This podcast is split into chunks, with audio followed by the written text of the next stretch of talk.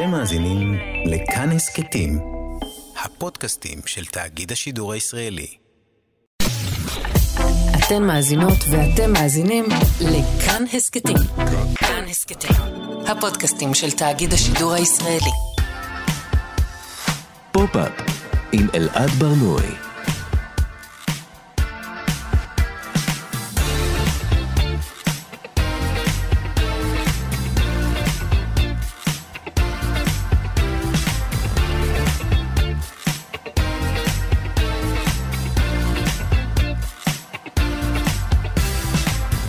שלום, בוקר טוב, כאן תרבות, אתם על פופ-אפ. בכל שבוע אנחנו מדברים כאן על התרבות שמעניינת באמת. כל יום חמישי בשעה 10 ב-105.3 ו-104.9 FM.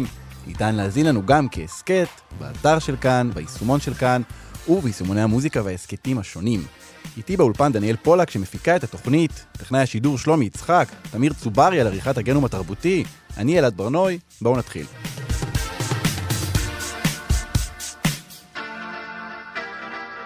השבוע ציינו ברחבי העולם את יום האישה הבינלאומי, ואנחנו ננצל את ההזדמנות הזאת כדי לדבר על העצמה נשית, ובאופן ספציפי על שירי העצמה נשית. ננסה להבין מה זה בכלל הביטוי הזה, העצמה נשית, למה נשים צריכות שירי העצמה, והאם השירים שהתרגלנו אליהם עושים את העבודה. נדבר גם על שירה גברית, הרי אנחנו לא יכולים שיעבור אה, יום אחד בלי שידברו גם עלינו. ננסה להבין איך הגבריות החדשה מתבטאת בפופ המקומי העכשווי, איזה קו עובר בין גבריות אומללה לגבריות מאמללת, ואם הגבריות החדשה הזו בכלל שונה מהגבריות הישנה והמצ'ואיסטית שאנחנו כל כך מנסים להתנער ממנה. נדבר גם על הפמיניזם הנטפליקסי של שונדה ריימס, נשאל איך נראה החזון הפמיניסטי שלה בין להמציא את אנה לברידג'רטון, ואם ארכי נוכלת יכולה להיות אייקון פמיניסטי.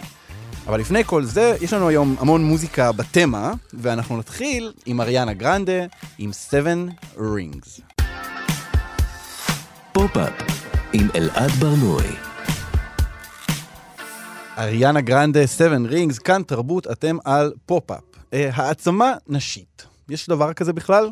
שירי העצמה נשית זה ז'אנר שקיים די הרבה שנים, בשנים האחרונות אה, נראה שיש יותר ויותר כאלה.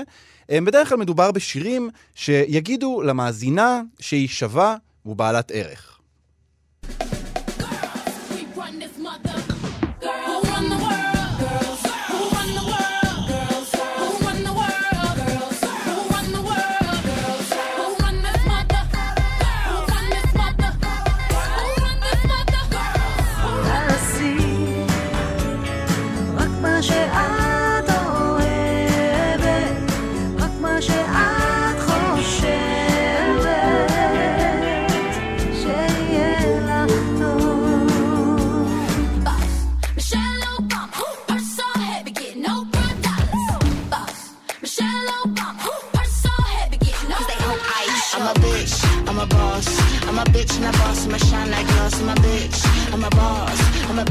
עכשיו, יש אה, עוד ז'אנר של אה, שירי העצמה נשית, אה, אלה היו שירים שלוקחים עמדה אה, לעומתית מול דמות של גבר. You don't own me. I'm not just one of your many toys. You don't own me. Don't say I can't go with other boys.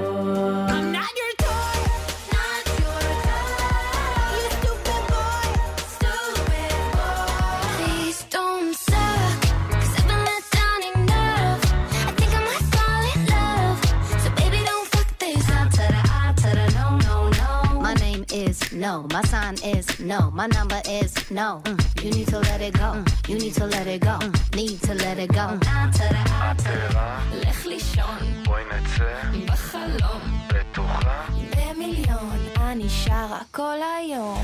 תראה מה פספסת, בוא תראה, בוא תראה, בוא תראה מה פספסת. עכשיו, לאחרונה יצא אצלנו אה, אה, אולי אה, שיר העצמה הכי מובהק שנשמע מזה די הרבה זמן, זה שיר שכאילו חושף את המנגנון של אה, שירי העצמה, קוראים לו בנות, שרות אותו אניה בוקשטיין, שירי מימון אה, ואקו, בוא נשמע טעימה ממנו.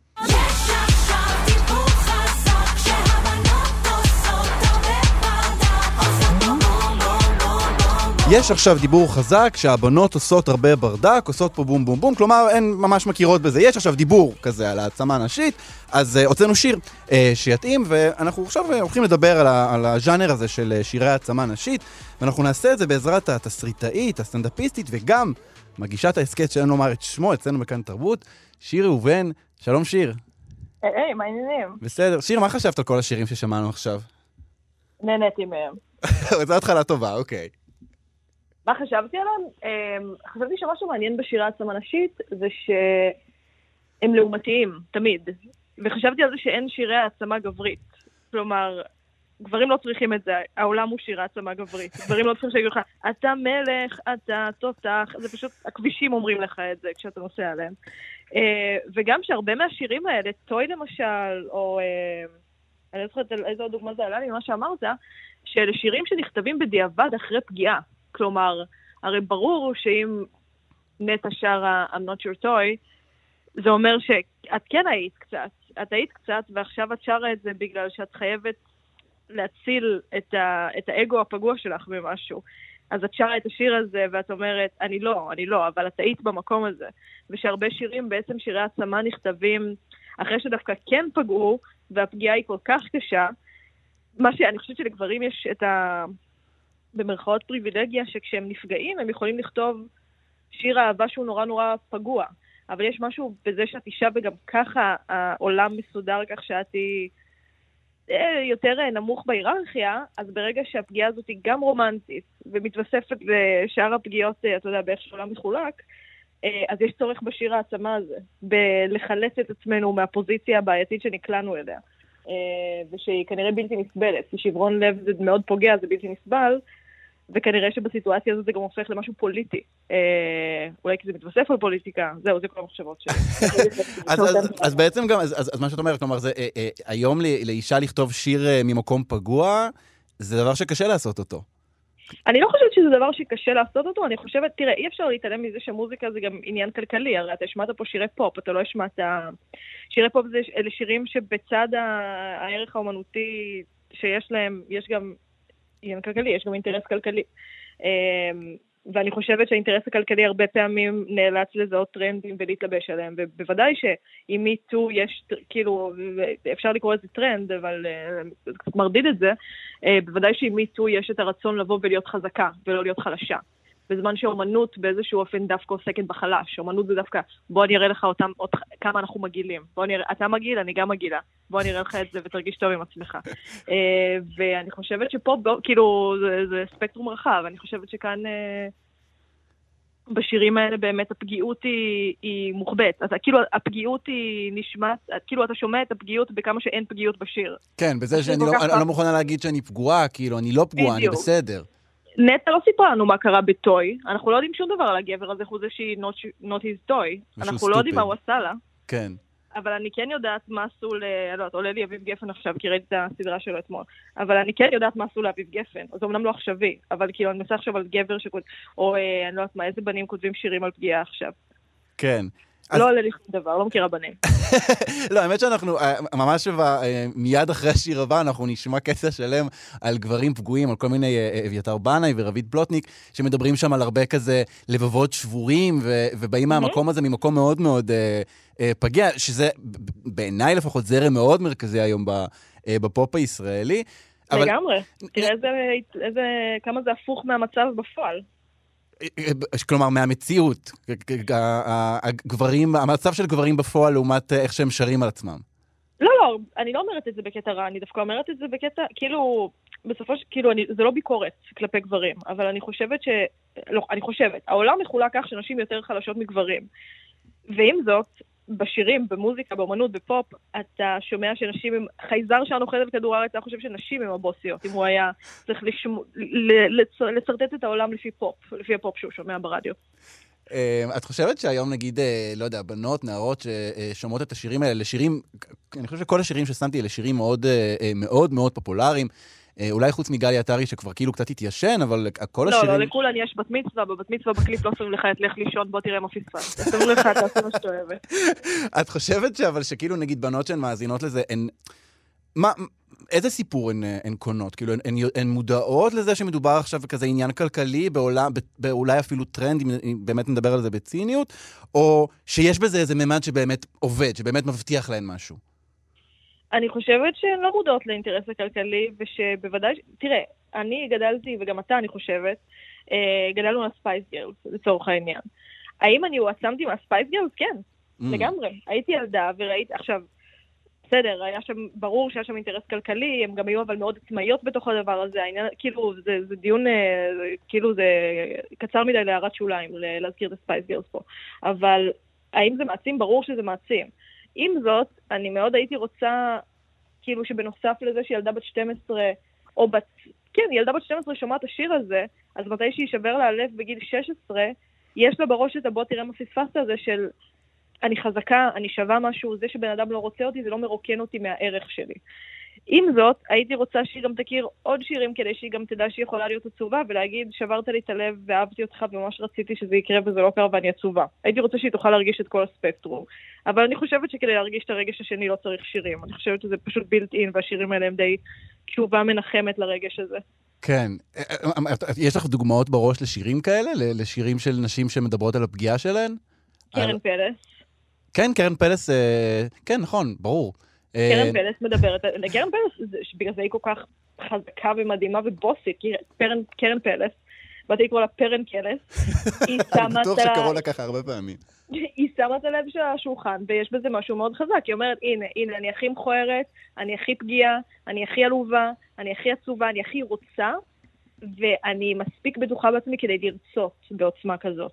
אני יודעת שאני שווה מספיק כדי לרצות בעוצמה כזאת, זה מאוד חזק. אבל לפני עשר שנים חשבתי שקרן פלס היא עלובה, זה היה לי overwhelming. עכשיו, בגיל 33, כשאני מבוגרת, אני כזה, אוי, קרן פלס היא מדהימה, איזה טיפשה הייתי פעם שלא ראיתי איזה הפגיעות הזאת בכוח. אבל אה, בסדר, זה אבולוציה שצריך לזה גם התבגרות, זה לא, אתה יודע, בסופו של דבר אנחנו לא מקבלים את ההשכלה הרגשית שלנו מאומנות. אה, טוב, תלוי מי, אבל אה, האמת שאת אומרת, מדבר- מדברת כאן על לרצות, ואני חושב נגיד על רונה קינן, שהיא אומרת, אני לא אפסיק לרצות. כאילו יש משהו בלרצות, אה, אה, ולהגיד את זה, אני רוצה, אני רוצה, שזה כאילו עמדה חלשה, אבל, אה, אבל כן, כמו שאת אומרת, כשאנחנו מתבגרים, אנחנו לומדים שכולם רוצים, ואז אם, אם אנחנו מסוגלים להודות בזה שיש את הרצון הזה, אה, אני לא כל כך יודע מה זה העצמה, אני חייב להודות, אני עדיין לא- עד הסוף לא מבין מה זה אומר, אבל אם יש משהו שאני יכול לדמיין כמעצים, זה היכולת להגיד שאני רוצה משהו, להודות בזה. אתה צודק, וזה באמת מעצים בפועל, גם אם אתה חושב, עזוב אה, באהבה או לא באהבה, זה מעצים. כאילו כל אה, ספר אה, אידיוטי בסגנון הסוד, שזה אידיוטי אבל זה נכון, אה, שתקרא, בסופו של דבר מתחיל ב... אתה צריך לרצות, אתה צריך, איך אתה מגיע למשהו שאתה רוצה, איך אנשים שיש להם משהו בעולם הגיעו אליו, הם רצו, ואז הם עשו פעולות כדי להשיג אותו, לרצות זה מאוד מאוד חזק. כאילו זה דבר, זה חיוני לנו כבני אדם. אם לא היינו רוצים, היינו במערה עדיין אוכלים, אני לא יודעת מה, קוף, מה שלא אכלנו. אה, שירה, אנחנו צריכים לסיים, אבל אה, למאזינות אה, בנות ה-12 שלנו, אם יש כאלה שם, אי, אי שם, כן. היית, מה היית ממליצה? היית שולחת אותן להאזין לקרן פלס קצת? אה, תראה, אמרת רונה קינן, ומאז כל מה שאני יכולה לחשוב עליו זה רונה קינן. אז הייתי שולחת אותן ואנשים בכל ספקטרום הגיל- ספקטרום הגילאים לשמוע את רונה קינן. האמנית האהובה עליי. אוקיי, אז, המסקנה שלנו מהסיפור הזה זה קרן פלס ורונה קינן. אה, שירה ראובן, אה, תודה לך על השיחה המעצימה הזו. אנחנו גם נשלח אה, את המאזינים להאזין להסכת שאין לומר את שמו. תודה, שיר. תודה לך. להתראות. ביי ביי. הגנום התרבותי.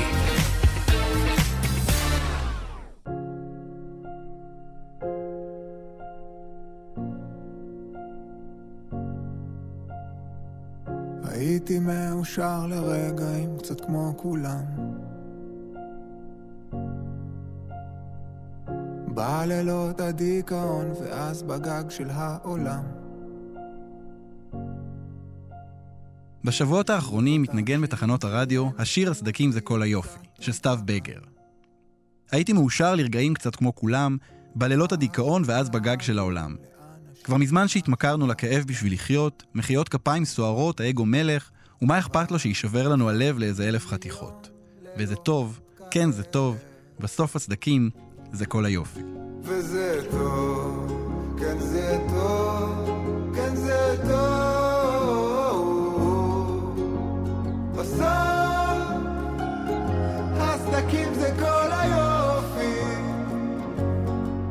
וזה טוב. הסדקים של בגר מצטרפים לזרם עכשווי מרכזי מאוד במוזיקת הפופ העברית הגברית. זרם שנקרא לו לצורך הדיון היום, שירת הרסיסים. רסיסים, למה זיכרונות כמה שאני לא כיסיתי, זה נכנס לי בתריסים.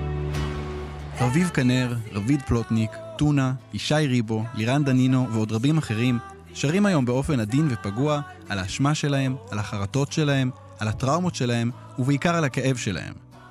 בשונה מהזרם המרכזי של הפופ הנשי, שעסוק בעיקר בעוצמה ובעצמאות, הפופ הגברי עסוק בעיקר בווידויים. במילים אחרות, אם פעם הגברים היו בוכים בלילה, היום הם עושים את זה במצעדי ההאזנות. אבל שירת הרסיסים לא הגיעה יש מאין, ולא הייתה יכולה להיוולד ללא האב הרוחני שלה, אביתר בנאי.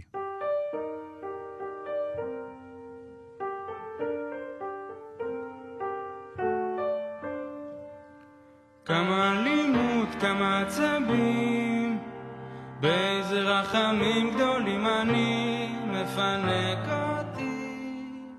בשנת 1997, אביתר בנה הציג באלבום הבכורה שלו גבריות חשופה, מיוסרת, בודדה, כשהוא כפוף על הפסנתר, ושר בקול עדין על פרידה, על אובדן, על בדידות, על התבגרות, ועל שלל פצעים וכאבים אחרים.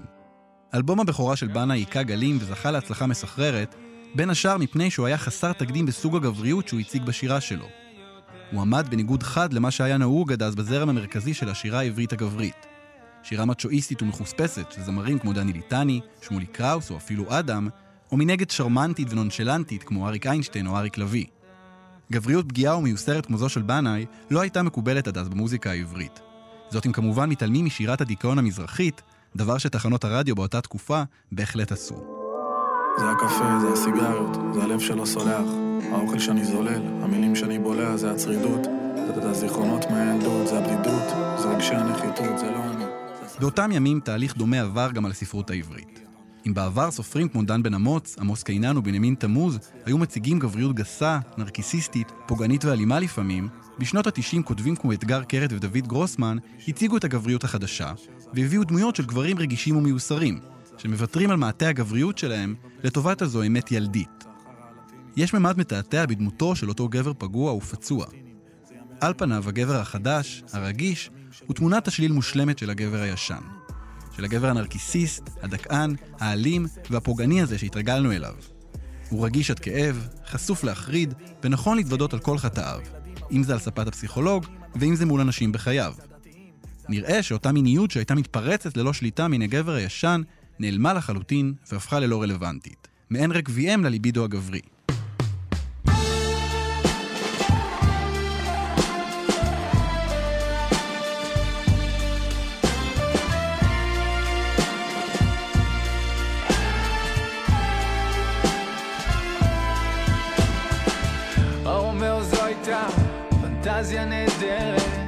אבל הגוף עדיין שם. ונראה שהמיניות של הגבר החדש פשוט הפכה לחמקמקה יותר וקשה יותר לזיהוי. המאוויים הגופניים שלו כולם כאילו מוגלים לטובת אלה הרגשיים. מבעד לסבך הרגשות והדמעות, הליבידו הגברי עדיין שם. אלא שהוא למד להסתיר את עצמו טוב יותר. בואו ניקח כדוגמה את אחד הגברים הפגיעים ביותר שידעה הספרות העברית, אם לא הפגיע שבהם. יאיר, גיבור שתהילי הסכין של דוד גרוסמן, שיצא בשנת 1998 בהוצאת הספרייה החדשה. בתחילת הספר יאיר פוגש את מרים ומתאהב בה באחת. לאורך כל הספר הוא מתכתב איתה ומגיש לה ולקוראים את קרביו באינטימיות חשופה. בווידוי המתערטל שלו הוא מקלף מעצמו את אורו, חושף את עצמו לחלוטין ומתוודה על כישלונותיו וחטאיו. אלא שהווידוי יוקצה לקיחת האחריות שלו. יאיר מבקש להיגאל על ידי הווידוי עצמו מבלי לקחת אחריות כלשהי, והדבר אכן קורה כשמרים מצילה אותו בסוף הספר מן התהום שצלל לתוכה. היום היו קוראים לזה גבריות מתעללת. וכך הגבר החדש, הרגיש והמיוסר אינו צריך לעשות דבר מלבד להתוודות על חטאיו ולהלקות את עצמו באשמה, כי בסוף הספר תחכה לו האישה הנכונה, בדרך כלל היא תהיה יפה ורכה וענוגה, ועימה הגאולה. במובן מסוים הגבריות החדשה אינה שונה במהותה מזו הישנה, מלבד האופן שבו היא למדה להסוות את עצמה והאפולוגטיקה שלה.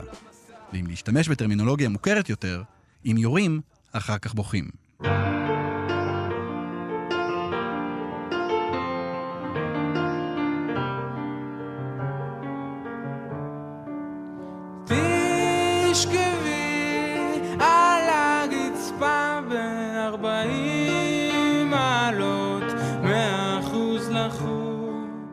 נחזור לאביתר בנאי. באלבום הבכורה שלו אפשר לראות ביטוי לקצוות האלימים של הגבריות הפגיעה. הדוגמה המובהקת ביותר היא השיר אקדח. זהו שיר שמתאר אונס ורצח מנקודת מבטו של האנס והרוצח. אלא שמדובר באנס ורוצח מיוסר, כאוב, רגיש, פגיע ואומלל. אחרי שהוא מבצע את זממו, הוא שר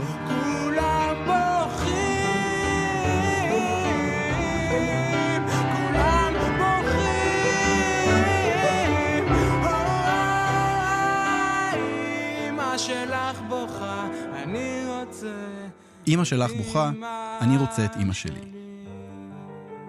אקדח זה אומנם מקרה קיצוני, אבל הוא משמש תזכורת למה שכאילו נעלם או הועלם משירת הרסיסים הגברית. הגוף. בחברה שאנחנו חיים בה וצורכים מתוכה תרבות, הגוף של זמרות נשים תמיד נמצא על השולחן בדיון. למשל בראיונות עיתונאיים, שעסוקים במראה החיצוני, בשגרת הטיפוח, וכמובן בהריונות ובלידות. גם הגוף השחור, למשל של זמרים וראפרים אתיופים, נותר נושא שיחה. רק הגוף הגברי הרגיל, במרכאות כפולות, השקוף, הלבן, נותר תאורטי, בתוך השירים ומחוץ להם. וכך, כמו אז גם היום, הגברים אינם נדרשים לקחת אחריות על הגופניות או על המיניות שלהם. כשאני מריח נחשים, מציעים להם החוצה, למכור לחלשים. תודה, אבל לא מעוניין כשאני גם ככה בקרשים. עכשיו, אולי צריך להבהיר, גבריות פגיעה או רגישה כשלעצמה איננה דבר שלילי. להפך. אלא שהיא צריכה לעסוק בעצמה באחריות ובכנות. אם ניקח דוגמה ממוזיקה אמריקאית, זמרים כמו דיאנג'לו או צ'יילדיש גמבינו, ובמובן מסוים גם ליל נז אקס, מצליחים להציג גבריות פגיעה וחשופה, כשהגוף שלהם עומד במרכז, ותמיד נותר חלק מהסיפור. החשיפה שלהם היא הכל מלבד תאורטית. ובכל זאת, אפשר לסמן גם אצלנו כמה מופעים עכשוויים יוצאי דופן של הדבר הזה. למשל בקליפ לשיר ממותה של להקת Full Trunk, שבו הסולן גל ניסמן משלב את גופו החשוף באופן מלא הומור, או בקליפ לשיר חדרה של הזמר בר צברי, שבו הוא רוקד ומפזז בשלל תלבושות. אגב, את שני הקליפים יצר הכוריאוגרף אבי מצליח. בכך שניסמן וצברי מעמידים את הגוף שלהם במרכז, ועושים זאת בהומור, הם מאפשרים חשיפה מסוג אחר. בזכות הנוכחות הגופנית שלהם, פתאום הטקסטים שלהם, כל אחד בדרכו, מהדהדים באופן שונה ומרענן. בעצם הצבת הגוף שלהם במרכז, כדבר שמותר לעסוק בו, לדבר עליו, או אפילו ללעוג לו או לחשוק בו, הם לוקחים אחריות על מכלול שלם, באופן שאינו תאורטי בלבד.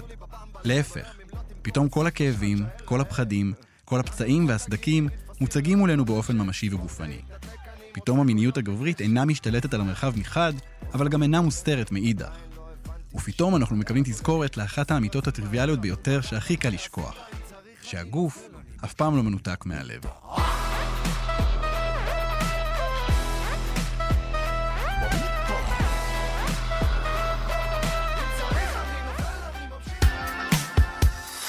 פופ-אפ עם אלעד בר נוי. כאן תרבות, אתם על פופ-אפ. זו הייתה מרגול בביצוע שלה לאינתה עומרי של מיכה שטרית. אם לאחרונה פתחתם נטפליקס, בטח שמתם לב שהמסך די מלא בנשים, אה, מלא סדרות שמספרות סיפורים של נשים, שנכתבו על ידי נשים, אה, כנראה יותר מאי פעם. אחת היוצרות הבולטות שחתמה חוזה ענק עם נטפליקס היא כמובן שונדה ריימס. אה, מי שרובנו אולי מכירים אותה מהאנטומיה של גריי, אבל יש מאחוריה כבר די הרבה סדרות, Scandal, ברידג'רטון. לאחרונה אה, עלתה בנטפליקס להמציא את אנה, סדרה מאוד מאוד מצליחה, שמבוססת על סיפורה האמיתי של הנוכלת אנה סורוקין.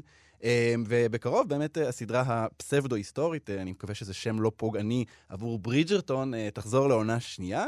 ואנחנו ננצל את ההזדמנות הזו כדי לדבר קצת על סיפורים של נשים ואיך הם מסופרים על המסך, וספציפית על ידי שונדה ריימס, ואנחנו נעשה זאת בעזרת מאיה רומן, מו"לית ומייסדת שותפה בפוליטיקלי קוראת. שלום מאיה. שלום אלעד, איזה כיף. מאיה, אני רוצה שנתחיל עם להמציא את אנה. אה, זו סדרה שאני מאוד מאוד אהבתי.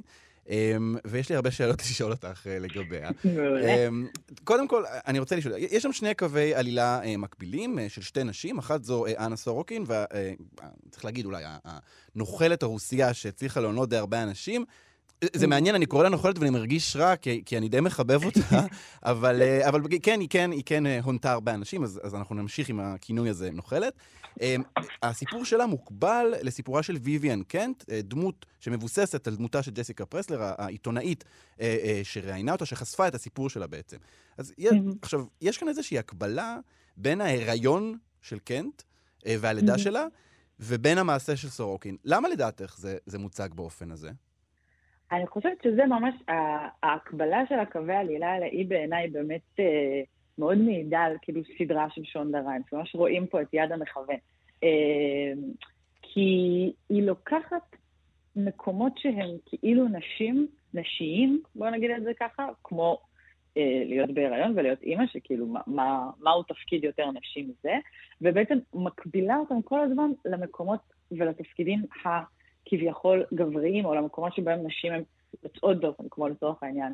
אה, להיות נוכלת, ששוב, יש פה שאלה האם היא עושה קצת אה, איזושהי האדרה לנוכלות הזאת של אה, אנה, אבל מלפני שמדברים על זה, או בלי קשר לזה שמדברים על זה, אני חושבת שזה לב העניין. זאת אומרת, היא מנסה להראות לנו פה את הדרך שבה נשים מעצבות את עצמן בכל מיני צורות, ואני חושבת שההקבלה הזאת ממש מאפשרת לראות את זה בצורה הכי מעניינת, כי אנחנו בעצם רואים אה, את אה, הדמות של העיתונאית ויvian, כשהיא בהיריון מתקדם, ובו זמנית היא גם אה, אחרי סקנדל אה, מסוים שמאוד ערער את המעמד שלה כעיתונאית. דרך אגב, כל זה קרה במציאות ומבוסס באמת על הסיפור של אה, ג'סיקה פרסלר, שהיא עיתונאית מדהימה אה, שכותבת בניו יורק מגזין. אה, ובעצם היא הופכת את זה לסיפור שבו ויvian העיתונאית מנסה להראות לעצמה ולהוכיח לעצמה שהיא מצליחה בעולם הקריירה, שיש משמעות גם לקריירה שלה כעיתונאית,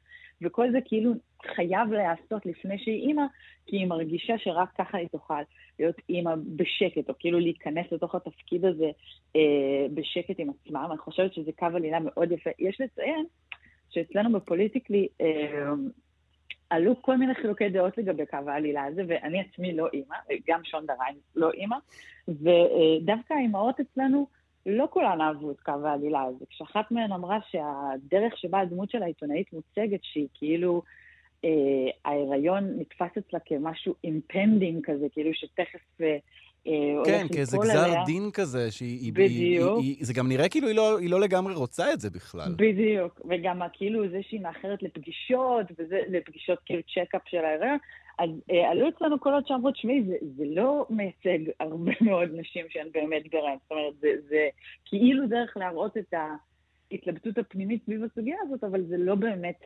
אה, משקף מה שנשים חוות, אני לא יודעת כאמור, אבל לי כמי שלא הייתה בהיריון, זה דווקא כן הרגיש כאילו מין נורמליזציה של, אוקיי, ומה אם אני אהיה בהיריון ופתאום זה ירגיש לי כאילו, וואי, אני לא מוכנה. כאילו זה, בראש שלי היה נשמע לי שזה יכול לקרות, אבל אני לא באמת יודעת. אז... את, אה, חושבת שיש כאן איזה... אה, יש כל הזמן תחושה שוויvian, שהעיתונאית, אה, אה, לא יודע אם מתאהבת, אבל היא, היא, היא מפתחת רגשות מאוד חזקים כלפי אנה, מאוד מאוד אכפת לה ממנה. ואני גם חושב ש, שבאמת ההקבלה ביניהן מייצרת השוואה כזו. את חושבת שבמובן מסוים היא אפילו שואלת את עצמה, אה, יכול להיות שהייתי יכולה לחיות חיים אחרים, חיים שבהם אה, אה, אני מנסה להגיע לטופ, אה, להגיע לסכומי Mhm. עתק, להקים את, ה, את, ה, את, ה, את הארגון, את המועדון חברים הזה שאנה סורוקה ניסתה להקים. כלומר, יש כאן איזשהו, איזשהו חלום שאנה סורוקה ניסתה אה, להגיע אליו, וזה ברור שוויvian בכלל לעולם לא תוכל אפילו לחלום על החלום הזה. נכון, אני חושבת שהסדרה באופן מאוד מוצלח, כאילו, זה המקומות שהיא הכי מוצלחת בה, מראה באמת איך הנשים השונות שנתקלות אה, באנה, דרך אגב, סדרה שבאמת אה, יש בה כמעט רק נשים בתפקידים אה, משמעותיים, זאת אומרת, כן. יש את העורך דין ויש את הבני זוג, אבל אה, באמת אה, די מדהים עד כמה היא מתנהלת בתוך יקום נשי בעצם, בעולם נשי. אה, אז אני חושבת שזה מאוד מעניין לראות איך החברות של אנה וגם העיתונאית, כולן בעצם, כשהן נתקלות בה, אז כן לוקחות ממנה איזה מין משהו שהוא אפילו קרוב להשראה, ששוב, אפשר לבקר את זה, כי בסופו של דבר היא נוכלת, אבל, אה, אבל כן יש בזה משהו בלראות את התעוזה הזאת, וכאילו להגיד, אוקיי, כאילו, האם גם אני יכולה להחליט שאני רוצה לעשות סיפור פורץ דרך ו- ולהתעקש עליו, ואפילו שהאורחים שלי לא מבינים למה הוא חשוב, ולשנות ול- ולהפוך את העיתונות לשוב רלוונטית, ולייצר Mm. משהו שיראה שהדבר הזה הוא באמת אה, worthwhile, כמו שאנה מתעקשת על החלום שלה ו- ו- ומייצרת אותו מאפס למעשה. אה, ותוך כדי גם חושפת את. הרי אה, צביעות ואי שוויון ו- ו- ש- שבתוך העולמות שבהם היא מסתובבת. זאת אומרת, אני חושבת שחלק נורא יפה ב- בסדרה זה החלקים שבהם אנחנו רואים את אנה בתוך העולמות האלה שעליהם היא עבדה כדי להשיג את הקשרים ולהיכנס למקומות הנכונים, כמו עולם האומנות, או עולם של הפיננסים. כן. ואנחנו רואות ורואים באיזה קלות ברגע שאנשים חושבים שהיא מישהי מסוימת, אז ניתן לה מין קרדיט ויכולת לפעול ולעשות ולשנות בתוך העולמות האלה, שכנראה ניתן לאנשים שהם האנשים הנכונים. זה, זה, מאוד מעניין לא לראות, זה. זה מאוד מעניין לראות עד כמה ה- ה- בתוך העולם הזה של אנשים, כשהם כל כך עשירים, שבמובן מסוים לכסף עצמו, כלומר לעובר ושב, אין כמעט משמעות, אלא בדיוק. עצם לזה, בדיוק כמו שאמרת, לקרדיט, כלומר המחשבה שיש את זה, זה כאילו מספיק.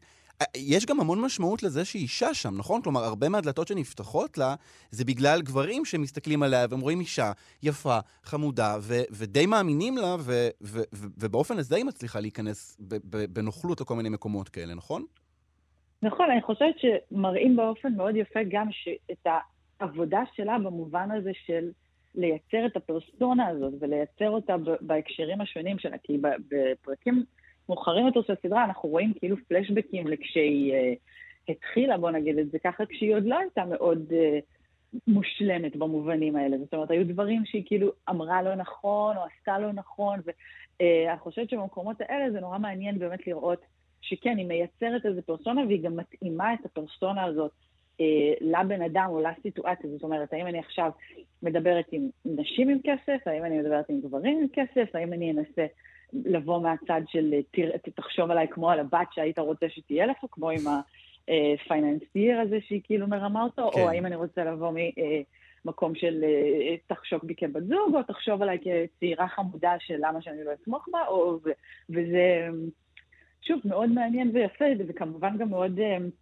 מתקשר לאסתטיקה של הסדרה, שכל הזמן אה, מאוד מתעסקת באינסטגרם, וכזה מעלה את כל התמונות כאילו והסטוריז של האינסטגרם, אה, כי זה באמת נורא זה, זאת אומרת, הייצור של פרסונה, אה, בין אם אונליין ובין אם בחיים עצמם, והדרך שיש ממש הון בפרסונה הזאת, כאילו ברגע שאני מצליחה באמת לגרום לאנשים להאמין בה, ושוב, במקרה של אנה, כאילו אנחנו אומרים, טוב, אבל בסופו של דבר היא שיקרה לכולם והיא עבדה לכולם, אבל אה, אני חושבת שכאילו ההקבלה אל מול ויvian מראה לנו שכן, אבל לפעמים אנחנו גם משתמשות בכלי הזה לא כנוכלות, אלא כאני באה לדבר מול קהל אה, של אנשים ואני מרגישה קצת לחוצה, אז אני שמה את אה, ג'קט העסקים שלי ואת הנעליים עם העקבים שלי, וכאילו באה בפוזה של תראו אותי, אני מנכ"ל.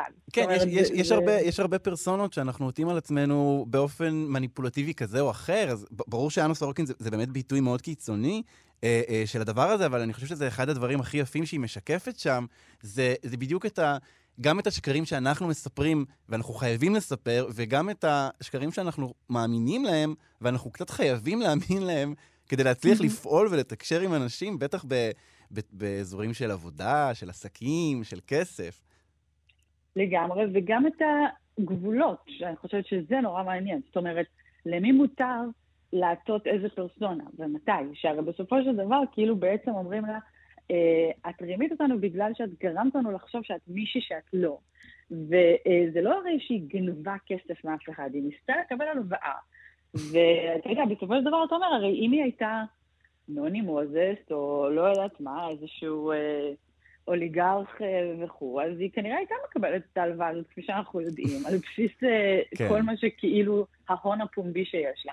ובעצם כאילו החטא שלה זה בזה שהיא ניסתה להתברג לתוך הקהל הזה כשאסור לה כביכול. יש כן. משהו מאוד מאוד חזק בעיניי אה, בדיוק של זה, וזה גם בסוף, בסצנות במשפט שלה מאוד עולה, כאילו השאלה של אה, האם היא הצליחה או לא הצליחה, האם היא אם. שהיא- קרובה באופן מסוכן ל... בדיוק. למרות שכן צריך להגיד אה, אה, אה, שהיא כן גנבה גם כסף, כלומר, היא נכון, גנבה, היא נכון. גנבה די הרבה, אה, מאות אלפי דולרים מכל מיני- נכון. מכל מיני אנשים. אה, תראה, אנחנו היום, לאורך התוכנית, הנושא של כסף עלה כמה פעמים, גם מילים כמו העצמה. וכסף ונשים, אני חושב שזה נושא מאוד מאוד מעניין בהקשר של יום האישה, כסף אף אחד לא אוהב לדבר על. זה. את חושבת שלמרות כל ה... האופן שבו היא מוצגת בסדרה כעל גבול ההוזה, זה משהו שאת כתבת, אגב, לא אמרתי, במאמר שפרסמת בפוליטיקלי קוראת על, ה- על הסדרה. אה, את מדברת עליה, על הדמות, על האופן שבו היא מוצגת, ובעצם את אומרת שם שהיא לא מוצגת שם בתור אה, אה, איזשהו מודל פמיניסטי להתחקות אחריו, נכון? אני חושבת שפה זה, ופה זה באמת מתקשר לשאלה הזאת של שונדה ריימס והעולמות הפמיניסטיים שהיא מייצרת. אני חושבת שהרבה מהביקורות אמרו, באיזשהו צדק, זו לא אמורה להיות מודל לחיקוי פמיניסטי של אף אחד, זאת נוכלת, היא גנבה, היא לא מוסרית, ו- ו- ו- שזה נכון. אבל אני באמת לא חושבת שזה מה שהסדרה מנסה להגיד. כמו שכאילו אמרנו וכמו שהעלינו, אני חושבת שהסדרה מנסה להגיד, תסתכלו על המקומות שהחברה מאפשרת לנו ולא מאפשרת לנו להיכנס אליהם. כאנשים, כאנשים.